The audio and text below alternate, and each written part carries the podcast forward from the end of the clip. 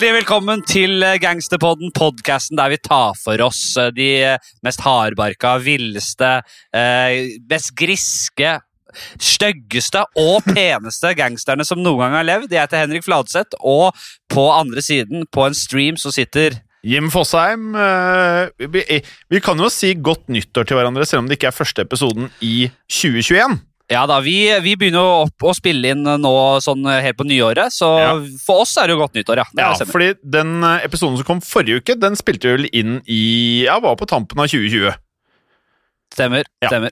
Og nå Vi, dette Ja. toget stopper ikke. Vi spiller inn hele tida, og de kommer, eh, de kommer til dere når de kommer til dere. Og når det er, det er ikke, jeg har ikke helt oversikt over. Uansett, har du hatt en bra jul, Henrik? Jeg har hatt det strålende. Ja, Hatt det strålende. bra. Har du, har du sett noe gang gangsterrette på TV-en? Jeg har vært litt innom Peaky Blinders, da. Ja! Som jeg har forstått du også har sett for eh, andre eller tredje gang. Jeg er selvfølgelig. gjennom det for eh, andre gang nå. Og Det det, kan, det, kan, det kan avsløre er at uh, jeg får faktisk ikke med meg så mye som jeg tror jeg får med meg når jeg ser ting, for jeg sitter for mye med mobilen, tydeligvis. For nå så Ja, Den må du legge, ja. en- den må du legge i en skuff, altså. Ja. Få den mobilen vekk. Den er, en, den er en magnet for konsentrasjonen din. Det Ja. har jeg begynt med. Det har vært et nyttårsforsett for meg, faktisk. Ja. Nei, også, jeg, I hvert fall. Så I jula så er det jo ikke så veldig mye som skjer på mobilen ellers, så jeg har sett Peaky Blinders fra starten uten mobil. Og jeg har alltid digga Tommy, altså hovedrollekarakteren. Men nå skjønner jeg jo at dette her er jo nesten på høyde med Sopranos. Du, Det er en veldig bra serie. Det, de derre eh, barberbladhattene Åh. de har der. Deilig. Er det, er det sånn Er det samme opplegg Oddjob i eh, James Bond eh, hadde? Ja. Er det det han hadde gående? Altså, Fordi han hadde der en var sånn det- derre bowler-hat, men der tror jeg det var en stålramme rundt hele hatten. Men Speaker Blinders har liksom foran under skyggen frempå disse bestefarhattene. Nei, Sixpence heter det vel. Det er ganske rått å ha, faktisk. Eh, Det er, det er en av de eh, en, eh, en, Et av de råeste våpna man kan ha. Eller litt sånn Det er vel andrevåpenet, hvis du kan, skjønner? Du må ha en er gunner òg. Ja, ja, men det er andre våpenet, eller tredje våpenet. Det er bare, Hvis du spiller, er en sånn spillkarakter, da, så er det liksom Ja, ja. Du Du, har ikke- den i på Den er ikke- bare sånn som ligger der hele tida. Den kan du bare bruke. Men du går ikke inn i Hunger Games med, med det, bare det. Med Sixpence. Nei. Nok pisspreik. Eh, I dag så skal vi rett og slett eh, ta dere med til stedet mange forbinder Ja. med mafia. Eh, Ja. Det er New York, selvfølgelig. Eh, stedet der gudfaren eh, finner sted. Det er jo en fiktiv film, selvfølgelig, men eh, handlingen er lagt i New York. Eh, det, er, det er byen der Vito Corleone kommer i havn med båt fra Sicilia, som så mange andre gjorde. Ja. Og kanskje fremdeles gjør eh, Hva vet vi? Um, og la oss bare starte der jeg syns det er interessant å starte, her, med at jeg egentlig har et sånn romantisk forhold til perioden hvor mange av disse gangsterne faktisk da kom til USA, spesielt New York.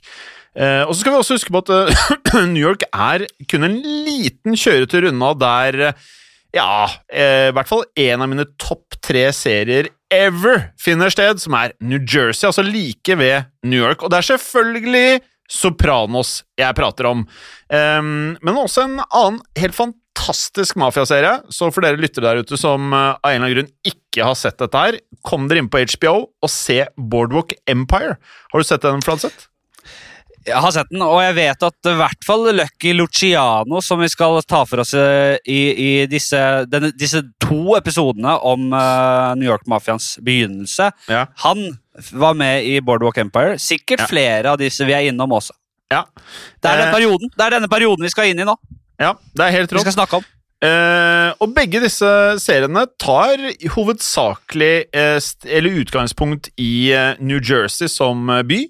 Eh, og for den vante da lytter av Gangsterpodden, så er jo New Jersey nesten det samme som å prate om eh, New York. Og mange av gangsterne føler seg vel som om de er i samme familie eller nabofamilier, om du er i New York eller New Jersey.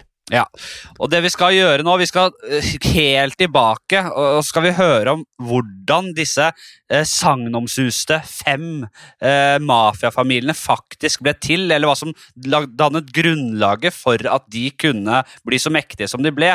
Eh, hvordan, hvordan kunne, Jim, fem familier på en måte ta over hele New York City, styre hele sjappa, eh, og ikke bare New York, men eh, store deler av USA, rett og slett, etter hvert. Ja. Hvordan fikk de det til? Ja, og da må vi rett og slett ta med lytterne våre tilbake til en eh, tid der skikk og rituale spredte frykt selv blant den tøffeste italiener. Det er tiden da den sorte hånd herjet. Og bare hør på det, Flatseth. Altså, den sorte hånd, vi prater om mafia, vi prater om kriminelle, og så er det noe som heter den sorte hånd. Ja, Eller på engelsk The Black Hand, eller på italiensk, som er det råeste, La Mano Nera. La mano nera. Eh, og det er noe veldig mafiate med dette her, og man eh, trenger nesten ikke si mer for å forstå at dette her var eh, noe man burde holde langt, langt, langt unna seg og familien sin. Man kunne ikke være langt nok unna dette svineriet her. Eh, For å sette rammen rundt selve perioden, så eh, skal vi nå tilbake til italienernes innvandring til USA, eh, som for alvor skjøt fart på slutten av 1800-tallet. Altså eh, 1970, 1980, 1990-åra. 18, 1870, 18 Du, du, Jeg blander alltid de to der. ja, det virker som du prøver å beskrive 1800-tallet her. Eh, så fra ca.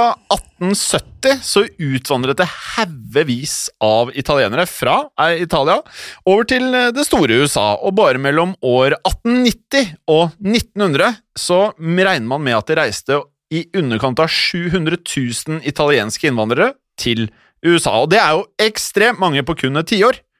Det er veldig veldig mange. Eh, og en stor del av disse kom fra fattige landsbyer i Sør-Italia. Og der arbeidet de og sleit som bønder, men som så mange andre rundt i verden, så søkte de et bedre liv over dammen, som han sier. Eh, og som du skal høre utover i episoden, så var det ikke alle som utvandret, som var bønder. Jim. Som du sa, Fladseth, så um, var det primært den uh, amerikanske drømmen som dro italienerne over til USA. Og planen var ofte eh, relativt simpel. Det var å dra til USA, tjene så mye penger man kunne, og så deretter dra tilbake til Italia, for da kanskje kjøpe seg eiendom og bygge store hus da, hjemme der de kom fra. Ja. Men som historien har vist oss, så dro størsteparten av italienerne, italienerne aldri tilbake til Italia. De ble igjen i USA, og en god porsjon av dem tok over egne deler av amerikanske byer. Si senor, correcto. Eh, og de italienske innvandrerne de eh, slo seg i hovedsak ned, i, ikke veldig overraskende, i storbyer, og dannet da det vi nå i etterkant eh, vil kategorisere som lukkede italienske lokalsamfunn, da, som på folketunge gikk under eh, tittelen Little Italis. Ja, De var i hvert fall mer lukkede før enn de kanskje er nå, ja. disse bydelene. Men uh, dette her, Little Italies, det kjenner vi fra film. vet du. Det er uh, i hvert fall sånn det skulle bli med årene. Det er uh, kaffe på, så, på fortauskafé med sånne små, eh, små espressoer på fortauskafé. eh, vin, håndgeskulering, pastaformer og gryter der. Ikke minst gaveoverrekking Ja. fra lastebil rundt juletider. Det er Little Italies for meg, Jim. Ja. Så jeg føler Det er, også del, det, ja. det, er, det er mye sjarm der, må, må, man- må man kunne si. Det er mye sjarm der òg. Ja, det er mye sjarm. og som nevnt så var det ikke slik at det bare var bønder da, som utvandret til USA. For eh, som den mafiainteresserte lytteren der ute vet, så tok noen av det mest inngrodde, tradisjonsrike og de mest hardbarka av eh, mafiamedlemmer og dro fra Italia og over til USA. Og da var det spesielt mafia fra Sicilia, der eh, man hadde en gruppering som ble kalt for Cosa Nostra, som eh, faktisk da herjet på Sicilia helt fra starten av 1800-tallet. Ja, Cosa Nostra det skal vi eh, helt, helt garantert eh, komme tilbake til med egne episoder. Ja. Eh, det vi kan si om eh, Cosa Nostra per dags dato, er at eh, de var unike i det at de var utrolig organiserte. De var vanvittig flinke til å holde familien deres, og også da lokalsamfunnet, tett, og at deres aktiviteter ble holdt utrolig hemmelig. Og lite visste man om mye av det de drev med, før mange av etterforskningene som ble gjort etter hvert. Og også lite overraskende var det at eh, det var akkurat denne formeringen og formingen av familier som ble deres eh, bane også når de kom til storbyene i USA. Har eh, dratt fram det store norske leksikon her, Jim, Ja. og til deg der hjemme, får jeg si. Og her defineres mafia som, og jeg siterer, italienske forbryterorganisasjoner av siciliansk opprinnelse. Og de trekker også frem at ordet i nyere tid bruker, brukes mer generelt om organisert kriminalitet, som har utspring i nasjonale nettverk. Eh, så, det brukes ikke lenger bare om eh, italienske organisasjoner. Men eh, denne lukkede formen da for å bygge miljøene deres var eh, noe mafiaen var eh, ekstremt strenge på på denne tiden. For mafiaen som dukket opp med denne italienske utvandringen, aksepterte kun nye medlemmer som da faktisk var av italiensk avstamming. Ja. Men denne organiserte kriminaliteten gjennom disse mafiafamiliene, det var ikke den eneste kriminaliteten som rystet de italienske lokalsamfunnene i USA på den tiden. Nei, det var ikke det, for det skulle ta noe tid før eh, mafiaen klarte å strukturere seg til å bli den mektige kraften den faktisk ble. Ehm, og I mafiaens tidlige fase var italienerne mer spredt, og det var utallige kriminelle gjenger som ledde av lyssky virksomhet da, for å nå sine amerikanske drømmer. Og mye av det vi skal gjennom nå, det var faktisk nytt for meg. Jeg trodde faktisk at eh, det var organisert i store, store familier med en eneste gang, men det var det ikke. Nei, som så mye annet så tar det litt tid for å få etablert uh, seg, og i starten så var det, var det var det ikke så organisert i det hele tatt. Og noe som er veldig misforstått, og som flere kilder feilopplyser om, er det vi eh, så vidt eh, nevnte i stad, og som vi skal komme mer inn på nå, det er Den sorte hånd. For enkelte refererer til Den sorte hånd som en familie i seg selv, eller en mafiaorganisasjon, men det stemmer ikke. Nei, det stemmer overhodet ikke, for eh, The Black Hand var mer en metode, eller en form for eh, Vi kan jo nesten kalle det en kriminell handling, som var utbredt blant italiensk mafia i Italia, men også da blant kriminelle som ikke var en del av mafiaen. Sånn at eh, dette fenomenet tok de så med seg over fra Italia og til USA. Og dette fenomenet kalte italienerne som sagt la mano nera, og det var en så grusom og fryktinngytende handling at uh, bare navnet kunne få de fleste italienerne til å bli ganske, ganske så bleike i maska, for å si det sånn. Ja, og når jeg så på Peaky Blinders for andre gang, så kan jeg fortelle at eh, La Manonera er en del av en handling når de får en liten beef med italienske mafiaen i England. Ja vel, Jepp. Eh, hvis du ikke husker det, så satt nok du litt for mye i mobilen, du også. Men uansett, la oss avsløre hva denne mytiske kriminelle handlingen faktisk gikk ut på. Dersom man, eh, for dersom man ble utsatt for eh, Den eh, sorte hånd, så foregikk det egentlig litt omtrent sånn som det er. En intetanende italiener i en hvilken som helst Little Italy, i en altså, amerikansk storby, ofte en mann som hadde litt mer penger, kunne plutselig en dag få et brev. Ja, og brevet gjorde det klart at dersom denne eh, helt tilfeldige italieneren eh, i en Little Italy eh, ikke betalte en viss sum penger, så ville det gå svært dårlig med Svært vedkommende. Og brevet truet da med ran, drap, kidnapping eller bomber. Alt det verste, rett og slett. Ja. Bomber det var noe jeg egentlig ikke tenkte over skulle være en del av det de truet med, men det var det. Alt det verste, sa jeg, Jim. Ja, du det sa alt det verste. Eh, ofte var da tegnet små symboler rundt om på brevene. Eksempel hodeskaller, alle ting, og også skarpe våpen eller spiddede hjerter. Alt det verste. Eh, denne, den sorte hånd det var altså en utpressingsmetode som ja, som vi var inne på i stad, hvem som helst med kriminelle tendenser og italienske språkkunnskaper kunne benytte seg av. Eh, og Fenomenet ble kalt Den sorte hånd fordi utpresserne ofte underskrev med en tegning av nettopp en hånd. Ja, og her ønsker jeg å komme med en liten anmodning til lytterne våre. For i Gudfaren del to så er det sånn at når vi går tilbake i tid og vi introduseres for eh, den unge gudfaren, altså eh, Robert De Niro, så er eh, han hovedmafiaen, han i den hvite dressen Han Der mener jeg at det kanskje er mulig at det er en eller annen annen tolkning av hva Den sorte hånd er enn hva vi faktisk har. Så spørsmålet er da er det flere måter å, å tolke Den sorte hånd på. Vi føler at vi har den rette versjonen av hva Den sorte hånd er, mens i Gudfaren 2 så syns jeg det tolkes på en annen måte. Så hvis noen tilfeldigvis akkurat har sett Gudfaren 2, Gi oss en liten eh, tilbakemelding om hvordan dere tolker at uh, de, de, kjører uh, Den sorte hånd. Er det han mafiosoen som blir kalt Den sorte hånd? Er det eh, bossen hans igjen som er Den sorte hånd, eller er det utpressningsmetoden? Jeg, jeg, jeg, oppfatter det som at de har misforstått det, faktisk. Det kan nok være Det var jo som, det var en mystisk uh, greie, dette her. Og det kan hende noen både utnyttet det, tok, uh, dro på en måte fordel av det, tok eierskap til det selv. Uh, altså Det kan være så mye, da. Mm, og det kan ha mm. på en måte utviklet seg til å bli det ene og det andre. Men jeg tror dette her er på en måte utgangspunktet for det. Ja. Denne, denne hånden, Jim, ja, den, som de underskrev, underskrev, brevene med. Ja, det var noen ganger en eh, hånd som var åpen, noen ganger lukket, og iblant holdt hånden også kniver.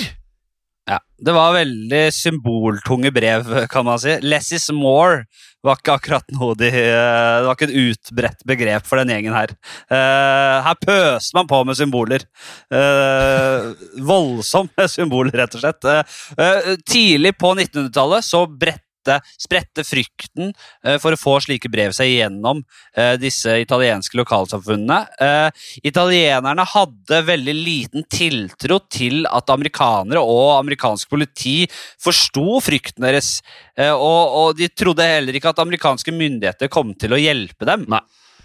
Og det som da skjedde, var at det ble flere brev, og det ble i økende takt. Og avisene kom med da store oppslag om den sorte hånd. Men da ble jo den eh, vanlige italieneren i gata bekymret for at flere kriminelle skulle bli inspirert til å prøve denne utpressingsmetoden. Eh, og her er vel et typisk eksempel av frykt for copycats. Ja, rett og slett. Eh, og disse brevene inneholdt ikke tomme trusler heller. i det hele tatt. De som nektet å betale, opplevde at gangsterne hev altså dynamitt mot butikkene deres. Det er så hardt, det. Ja, bomber ble plantet i bilene deres, og ikke få ble rett og slett tatt livet av her. Altså. Ja, det, og det er flere hendelser som utmerker seg i uh, det man nå skjønner var eh, ganske blodig. Eh, en av de vi har bitt oss merke til, er en hendelse fra 1908 som et rekordår angivelig for antall eh, politirapporterte brev relatert til Den sorte hånd. Ja, Det var den mest suksessrike italienske bankeieren i New York, Pascale Pascale Pati. Pasquale Pascal Pati. Pascal Pati. Ja. Og denne Pascal Pati han fikk kjenne noe voldsomt på konsekvensene av å nekte å betale en gjeng utpressere eh, som benyttet seg av Den sorte hånds metoder. Som et resultat av å ikke bukke under for eh, utpressing, endte det med at eh, utpresserne kastet en eh, bombe mot banken til Pasquale Pati. Og dette var egentlig mest ment som en advarsel, faktisk. Ja, og resultatet var rett og slett katastrofalt for Pati. Eh, for angivelig så skal nesten alle kundene hans ha blitt så skremt av dette at de tok ut alle eiendelene sine fra banken og eh, stakk, rett og slett. Så terror er et svært effektivt middel. Ja, ja. Men Pati han eh, var en uh, hardhaus. Han uh, nektet fremdeles å gi etter her, selv for, på tross at det var bomber involvert her. da. Det endte med at en gruppe menn forsøkte å sette fyr på hjemmet hans eh, omsider, og prøvde da å drepe familien hans med, med denne brannen. Ja, så de, rett, de kom rett og slett ordentlig under huden på, på Pati og skremte han vekk. Han stengte banken og forduftet, rett og slett. Eh, og denne konstante terroren gjorde at eh, italienerne til slutt måtte ta grep. De samlet seg og dannet en eh, organisasjon kalt The Italian Vigilance Protective Association. Ja, og det første de gjorde, det var å ringe ned til uh, italienske myndigheter. Eller sendte brev, eller uh, et eller annet i den duren der. Og så fikk de disse italienske myndigheter til å sørge for at utvandrerne fra Italia ikke kunne ta med seg våpen ut av landet. Og det var jo en veldig, veldig lurt sted å starte, tenker jeg. Rart ingen eh, hadde tenkt på det før. eh, For kriminaliteten var, selv før de fem store familiene oppsto, så ille og så ekstrem at politiet i eh, New York ble tvunget til å opprette en egen avdeling som kun skulle ta seg kriminalitet blant italienerne. Ja, og dette oppgjøret fra vanlige folk, det bar frukter. Etter 1915 så begynte Den sorte hånd å dø ut og forsvinne. Eh, I hvert fall som en sånn eh, metode som det hadde vært. Og så kan vi jo spekulere i om folk fortsatt brukte det som en sånn derre eh, Tok eierskap til det, som vi var inne på med Som var i, i, i Gudfaren osv. Eh, det vet jeg ikke. Men Eh, som metode så, så døde det ut eh, sakte, men sikkert etter 1915. Og dette var, jo en, dette var en følge av kombinasjonen strengere straffer og strengere innvandringskontroll. Men det betyr ikke at eh, kriminaliteten eh, forsvant, for under Den sorte hånds storhetstid, må vi kunne kalle det, begynte også den organiserte italienske mafiaen å bygge seg opp, og det er jo lett å forstå.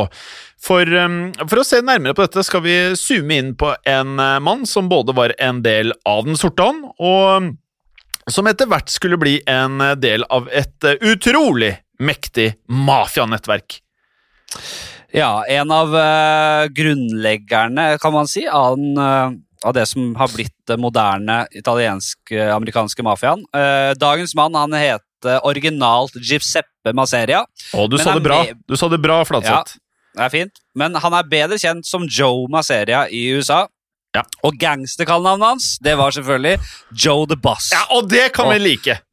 Ja, Det er så enkelt og det er så stilfullt. Det er så, I sin enkelhet helt fantastisk. Det er ikke noe å lure på engang. Joe the Boss. Joe Eh, the Boss. Ja, Veldig gangstrete kallenavn, selvfølgelig, og en fyr som eh, så veldig gangstrete ut.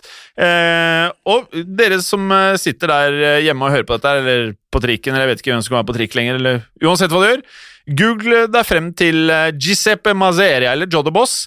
Eh, for slik jeg eh, opplever han, så så han litt mer eh, kjeltring ut av utseendet. Vel å merke på de få bildene vi har klart å finne han, så ser Ja. han aldri Han ser liksom litt sånn svett og uflidd ut, nesten litt ekkel. Vi er vant til å se disse gangs, disse mafiosoene veldig elegante, velkledde Silke. Mye silke. Men- Ja, i silke, men de, de første gangsterne som kom over eh, på denne tida her, de var, ja, de, de var mer uflidde eh, enn de som kom etter hvert. De var mer som sånne cowboy-western-kjeltringer som satt i Ja. Li- liksom de Når du ser bildene, så tenker du at det her er karer som lukter litt stramt. Ja, nettopp. Ja. Ja. Akkurat. Og jeg kan jo nesten se for meg at uh, Joe Mazeria har, uh, har vært på en uh, bootlegbar i New York, drukket store mengder ulovlig whisky hele natten, en sigar mellom fingrene i den ene hånden, og gjerne terninger i de tjukke, feite fingrene sine i den andre, og rett og slett sto og gambla koste seg hele natten. Eh, Men han fikk ikke navnet Joe the Boss eh, utdelt ved fødselen. Eh, Han måtte gjøre seg fortjent til det. Selvfølgelig. selvfølgelig. Enhver uh, mafioso må jo det. Joe Maseria han ble født i 1887 i byen Marsala på Sicilia. Da han ble ikke eldre enn 16 år, så flyktet han mer eller mindre til USA for å slippe unna flere drapssiktelser. Altså, i en alder av 16! Og i New York ble han eh, raskt en eh, viktig del av en italiensk eh, gjeng som drev med innbrudd og annen type småkriminalitet. I tillegg var de en del av Den sorte hånd, og drev da åpenbart en god del utpressing. Ja, og denne gjengen som han ble en del av, eh, det var rett og slett Morello-gjengen. eh, Og de herjet på New Yorks østkant. Og dette er jo dette, dette, dette, Morello-gjengen er det bare å, å bli Det skal vi snakke mye om, for å si det sånn. Vi kommer tilbake til Morello-gjengen igjen snart. Ble informert Fladseth. Eh, Masera ble arrestert for innbrudd og utpressing i 1907, men ble omsider eh, løslatt på etter veldig kort tid. Men han ble igjen arrestert for innbrudd i 1913, og kom seg igjen raskt ut av fengsel. Yes. Uh, Joe Maserias karriere den peaket først sånn, Det var sent 1910-tallet, tidlig 1920-tallet. Uh, og Maseria begynte å samarbeide tett med et annet medlem av Morello-gjengen, uh, som også skal bli en veldig sentral skikkelse, nemlig Salvatore Diaquilla. Åh, deilig! Og det må sies at eh, Salvatore han var en, eh, i motsetning til John Maseria Dette her var en vakker mafiamann. Stilige silkedresser etter hva vi kan forstå på sort-hvitt-bilder. Eh, stilig Panama-hatt, må vi kunne kalle det. Eh, det oste klasse av han fyren her. Ja. Og det er jo det vi liker best. Ja, vi gjør jo for så vidt Ja, det. jeg Altså. Må, vi gjør det, ja. Og, og, og på dette tidspunktet, når de møttes, så var Salvatore Diaquila veldig respektert blant de fleste mafiamedlemmene i New York. Han ble sett på som en vis, en veldig vis mann, til tross for sin relativt unge alder. Eh, Så de store mafiosoene kom ofte til han for å bre, be om råd. Så man kan kalle, gjerne kalle Salvatore et slags orakel for eh, mafiaen. Og det sier ikke lite. Blant annet det, ved å arbeide tett med den eldre og kloke Daquila, da, ble Joe Maseria fort en ganske ja, Ikke Jeg vil kalle han en mektig gangster. Ja, han fikk fort ganske stor eh, innflytelse, eh, det er ikke noe tvil om det. Han ble en eh, sentral skikkelse tidlig i Morello-gjengen og eh, tok mer og mer plass, rett og slett, og det var det ikke alle som likte. Og i 1922 så kom det første bestilte drapsforsøket mot Maseria, eh, for da Maseria gikk ut av leiligheten sin, eh, og vi skriver 9. august 1922, så kom to menn eh, løpende frem mot han på gata, dro frem pistolene og fyrte løs eh, mot Joe. Ja, eh, når vi eh, tar med setninger som er litt sånn beskrivende visuelt, så vil vi helst at publikum skal liksom se for seg som en mafiafilm hvordan dette faktisk eh, forløp seg. Og det som da omsider skjedde, var at Masera han gjemte seg inne i en butikk, som da gangsterne fortsatte å skyte mot helt til de gikk tomme for ammunisjon. Og hvis ikke det er Gudfaren én når de bare peprer bilen til sønnen sønnene der eh, det, det, er, det er veldig lett å se det for seg, for deretter å stikke unna når de var tomme Ja. for ammunisjon. Da vet man at eh, de ønsket å ta livet av deg når eh, de bare skjøt til det ikke var mer ammo igjen. Det er veldig filmete. Det er veldig gangsterfilm. Ja, det er klart det kommer jo fra et sted. vet du, Ja, kommer det jo fra et sted. Det gjør det. Kommer fra, kommer fra virkeligheten. Ja. Uh, og da politiet dukket opp uh, i kjølvannet av denne skyteepisoden, så fant de Maseria inne i leiligheten sin igjen, med to kulehull i, hatt, i hatten. så det hadde ikke vært langt unna før han tok kvelden. Uh, Altså, kulene hadde da vært noen centimeter unna å drepe Maseria, men han slapp unna. Ja. Og når vi, når vi har med sånne ting, det første som slår meg Var det et par kulehull i hatten, eller er dette en del av myten for å liksom bygge opp på den tiden, da? At andre mafiamedlemmer liksom bygde opp sjefene sine? Det vetes ikke, men, eller vites ikke, men dette her er i hvert fall storyen. Eh, videre, det skulle ikke gå lenge før New Yorks uh, ja, gangstere hørte om hvordan Masera unngikk disse kulene med en eh, hårsbredd. da.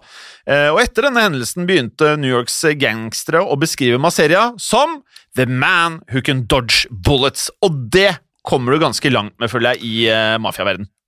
Ja, sant eller ikke sant, det er sånn eh, man skaper legender, og det, det er viktig når man, eh, når man er i en sånn posisjon som Joe Maseria var. Eh, Du skal være Du må være Du må fremstå som en hard jævel, rett og slett. Og dette drapsforsøket stoppet ikke Joe Maseria. Han skulle gjøre et voldsomt comeback, og det kommer vi tilbake til. Men først så må vi bruke litt tid på denne Morello-familien, Jim. Det må vi. Ehm, de var svært viktige i eh, mafiaens eh, oppstart i New York. Eh, vi kan ikke gå gjennom den italienske mafiaens New York-begynnelse uten å nevne Morelloene i detalj. Morello-familien regnes som New Yorks første mafiafamilie, og sjefen Giuseppe Morello ble ofte kalt The Boss of Bosses. Og bare smak på det! The boss of bosses! Ja, ja, det, det er Han, Det er så hardt! være Ja, det er veldig hardt. Det er ikke noe tvil om hva han var. Han var boss, han. Han var boss. Uh, uh, og Giuseppe Morello han kom til New York uh, i 1892, og innen år 1900 så ble han arrestert under mistanke om at han drev med forfalskning av penger. Og det var ikke bare mistanke, for det gjorde han faktisk også. Men eh, retten hadde dessverre ikke nok eh, bevis, og han gikk fri. Og disse morelloene, de eh, For å beskrive også hvordan de så ut, så Ja, de var noen skikkelig sicilianske hardhauser. Gjerne litt sånn der jeg forbinder med senesterke i kroppen. Ja, De var ikke noen jålebukker, de, altså. uh, og og det, er, det er greit å legge til at uh, denne Morello, the boss of bosses, uh, han hadde en sånn deformert hånd. Eh, og da snakker vi veldig deformert, eh, nærmest som en hummerklo. Eh, og et av få bilder vi har funnet, så ser vi at det, den kloa henger i et sånt halvkjede, som en slags sånn derre Et slags sånt fatle. Så han har lagt kloa i halskjedet, så den ligger og dingler i halskjedet rundt halsen hans. Eh, så sånn skaper jo også karakterer, vil jeg si. Ja, noen vil jo si det. Eh, dette her hadde jo definitivt gjort meg ekstra redd eh, hadde jeg møtt en mafiafyr med en klo.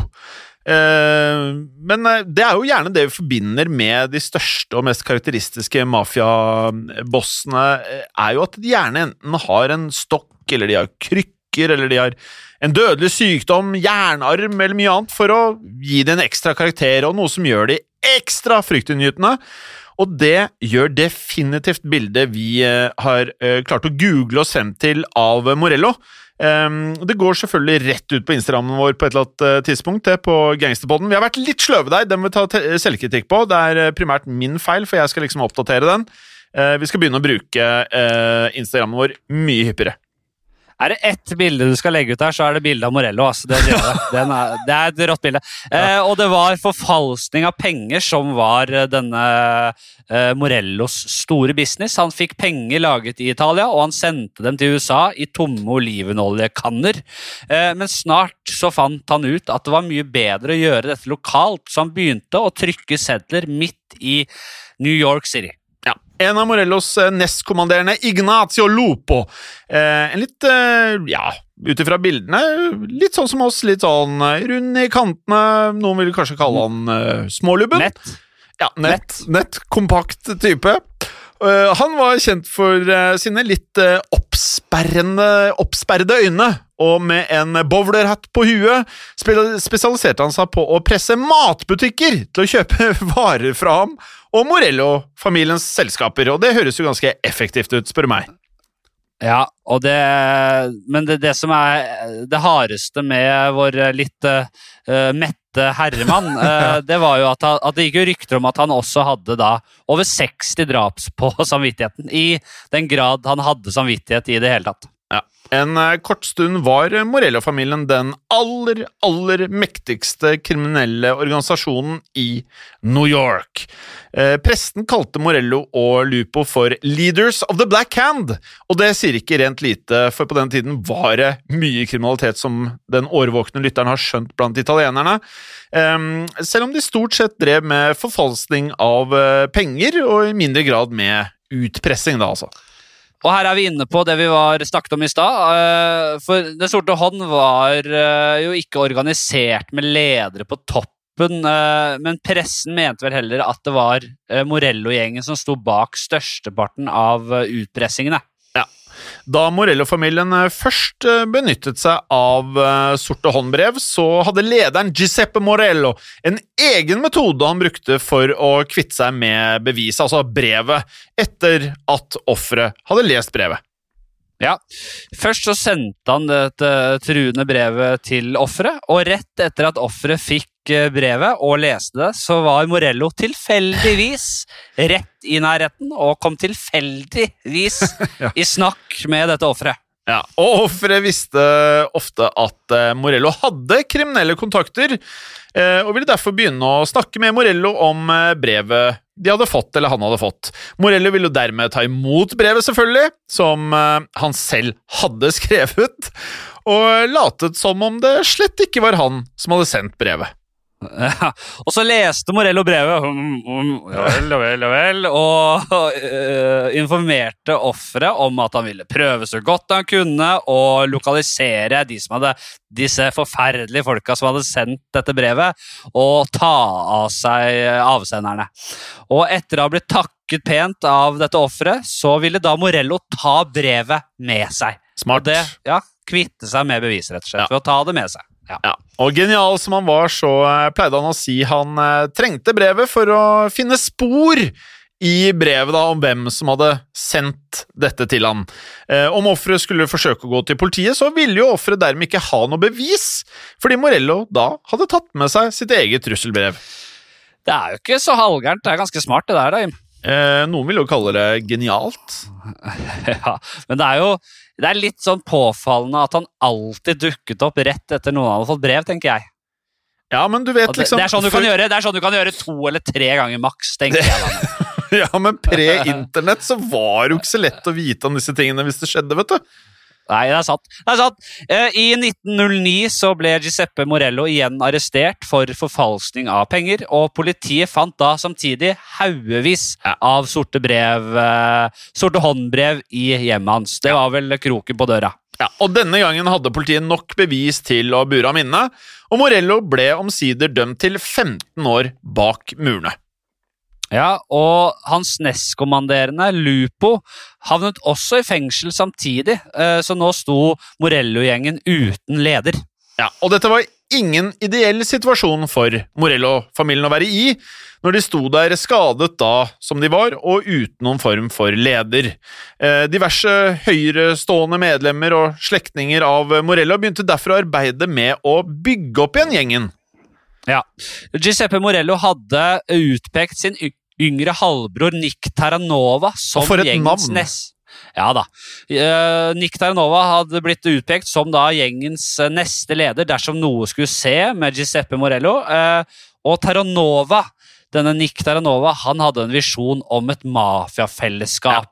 Eh, han var litt sånn forut sin tid, han Nick Terranova. Et mafiafellesskap der forskjellige gjenger samarbeider og fordelte områder mellom seg. Og derfor så For eh, jeg regner med at det er mange av de som hører på Gangsterboden, er nok litt over middels interesserte i gangsterboden. Noen er nei, gangstere. Noen er kanskje ikke det, de bare digger eh, temaet. Men eh, Nick Terranova hadde ikke jeg hørt om jeg før denne episoden her. Jeg visste ikke at han var en så sentral skikkelse i organiseringen av mafiaene. Fått for lite kred, rett og slett. Ja, definitivt en fyr eh, få har hørt om. Ja, men uansett, denne ideen om samarbeid mellom gangstergjenger og mafiafamilier var noe som faktisk skjedde på 1930-tallet. Men Terranova var eh, med andre ord, sånn som du var inne på i sted, eh, Flatseth, litt vel tidlig ute. Og eh, undergrunnsgjengene var ikke interessert i å samarbeide på denne tiden, som da var ja, rundt 1910. Og nå så andre gjenger sitt snitt til å kapre makten i Morello-gjengens uh, gjengens forretningsområder.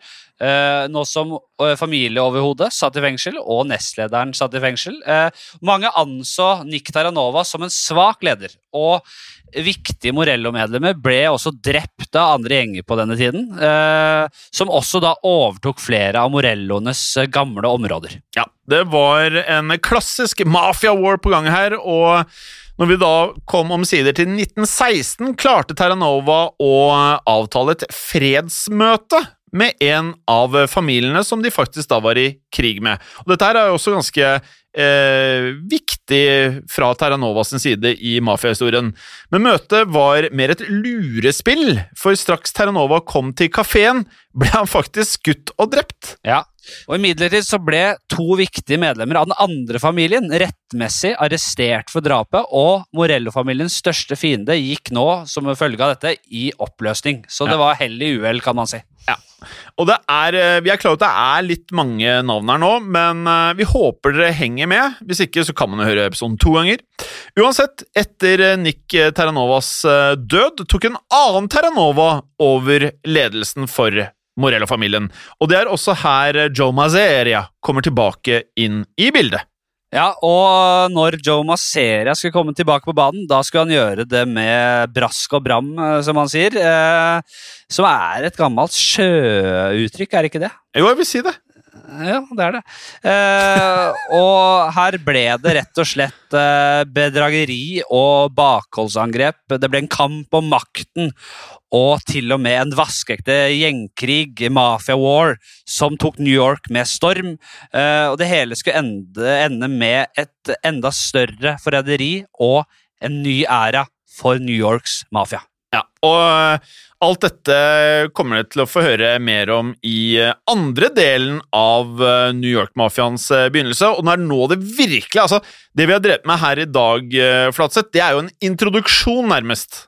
Ja, det er det. Det kommer mer snadder. Oh. Fre, frem, til, eh, frem til den neste delen slippes, har du en gangsterlåt eh, til oss, Jim. Det har jeg. Dette er en dette er kanskje favorittgangsterlåta mi, tror jeg. Eh, sangen heter Speedo og er laget av The Cadillacs. Eh, og nå eh, Hvis du hører på dette her nå og ikke vet hvilken film dette er fra, så skal du få nøyaktig ett sekund til å tenke deg om før jeg sier hvilken film det er. En, det er The Goodfellas. Og den sangen er altså så legendarisk, og soundtracket til Goodfellas er jo noe av det som gjør filmen. Ja, helt klart. Eh, og så må jeg bare informere om at vi har en eh, Insta-konto som heter Gangsterpodden. Der eh, ligger det forhåpentligvis bilde av eh, denne hummerklo-typen som vi var innom i stad. Eh, The Boss of Bosses med kloa. Eh, på Facebook så eh, ligger vi innenfor eh, Historie for alle-gruppen. Ja. Og Det der er flere og flere bare, som eh, Ja. Der skal jeg bare legge til at um, et av spørsmålene Nå er vel den gruppen snart 2500 medlemmer. Og det er da Krigsrevyen, Historiepodden og Gangsterpodden som er en del av uh, den gruppen. Eh, og jeg sitter og godkjenner eh, Jeg eh, er en av de som godkjenner hvem som skal inn i gruppen, og et av spørsmålene er hva er din favorittpodkast blant de historiske podkastene? Og så har vi da begynt å registrere at det er flere og flere som begynner å skrive gangsterpodden, og det syns vi er utrolig hyggelig. Ehm, og vi håper jo at dere kan begynne å dele mafiahistorier, bilder av gangstere. Del gjerne historier om, om mafia eller gangstere som kanskje ikke er så kjente også, som vi kan plukke opp, og som andre som er på gruppen også kan uh, synes er interessante, eller som vi kan bruke Ja. til episoder. Og ikke minst gangstere fra Norge og Skandinavia. Det, det er vi jo alltid på leting etter. Eh, til vi høres igjen, så må jeg bare minne om at man ikke skal gå rundt og sove med fiskene, som man Ja. sier i mafiaverden. Ja, men eh, jeg, jeg mener jo at dette høres bedre ut på engelsk. Don't sleep with the fishes. Så jeg kommer Nei, til å begynne å si keep it gangster. Don't sleep with the fishes. Og keep, keep it gangster. gangster. Snakkes.